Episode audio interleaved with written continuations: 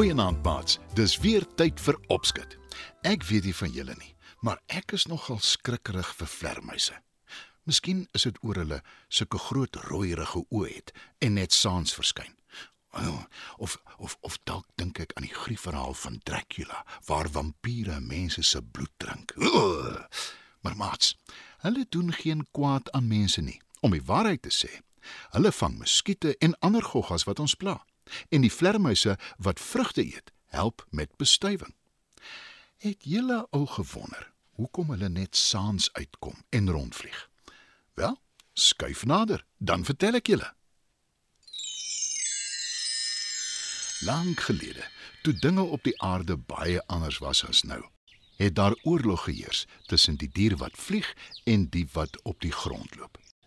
En soos dit maar gaan wanneer daar oorlog gemaak word, het almal swaar gekry. Te veel diere het dood gegaan en dit het by die dag erger geword.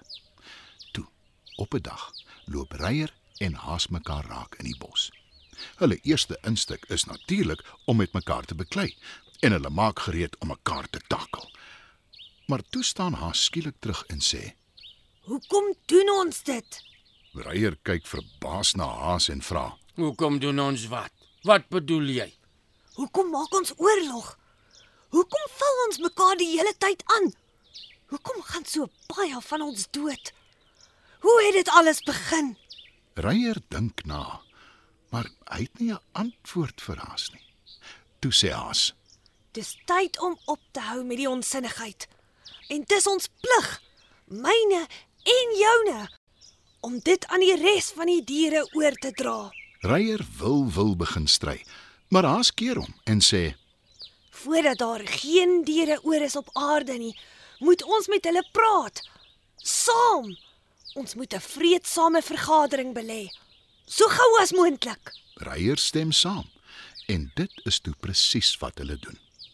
Nie een van die diere is onwillig nie en almal kom bymekaar vir die vergadering. Haas en Reier kyk na mekaar en is verlig en dankbaar vir die goeie opkoms. Toe maak Haas die diere stil en roep: Vriende. Ja, dis reg. Ons is almal eintlik vriende. Nie vyande nie. Wie van julle wil hê daar moet vrede wees tussen al die diere? Toe. Sê my. Elke enkele dier juig en roep dat dit presies is wat hulle wil hê. En net daar en dan word die oorlog beëindig en daar heers nou weer vrede tussen al die diere. Almal is gelukkig en tevrede totdat daar 'n probleem opduik. Vink en haar familie ontdek 'n vlermuis.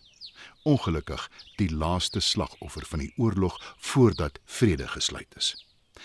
Want die vlermuis is dood, Ons moet hom begrawe, die arme dier. sê Vink simpatiek. Maar toe sien sy iets wat haar laat wonder en sy besluit om Reier te gaan spreek. Sy verduidelik vir Reier wat aangaan en sy sê: Ons het intussen agtergekom dat vlermuis tande het. En nie een van ons voels het tande nie. Dit beteken dis nie ons plig om hom te begrawe nie. Interessant. antwoord Haas en voeg by: Ek sal met die ander landsdiere daaroor praat. Haas raadpleeg toe van die ander diere en tot sy verbasing wil hulle niks weet van vlermuise begrafnis nie. Ek dink ek praat namens almal van ons as ek sê volstrek nee. Ons kry die dier jammer, maar hy is nie een van ons nie. Hy het vlerke. Hy kon vlieg. En sê my haas, watter landsdier het vlerke en kan vlieg? sê eekoring. Haas rapporteer terug aan Reier. En Reier is sommer dadelik vies. Wel, iemand moet hom begrawe en dit gaan beslis nie ons voels wees nie. Raas hy. Hy en Haas raak aan die stry. 'n Ander vlermuis wat alles gehoor het, kom nader en sê: Ek kan my maat sal hom begrawe voordat daar weer van vooraf oorlog uitbreek en niemand later kan onthou waaroor dit gegaan het nie. Haas en Reier kry albei skaam en bedank die vlermuis. Hy en sy maats begrawe die vlermuis wat die laaste slagoffer van die oorlog was.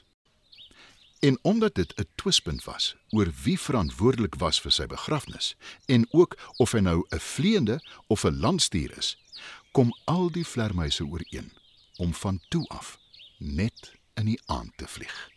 En maats, dit is tot vandag so.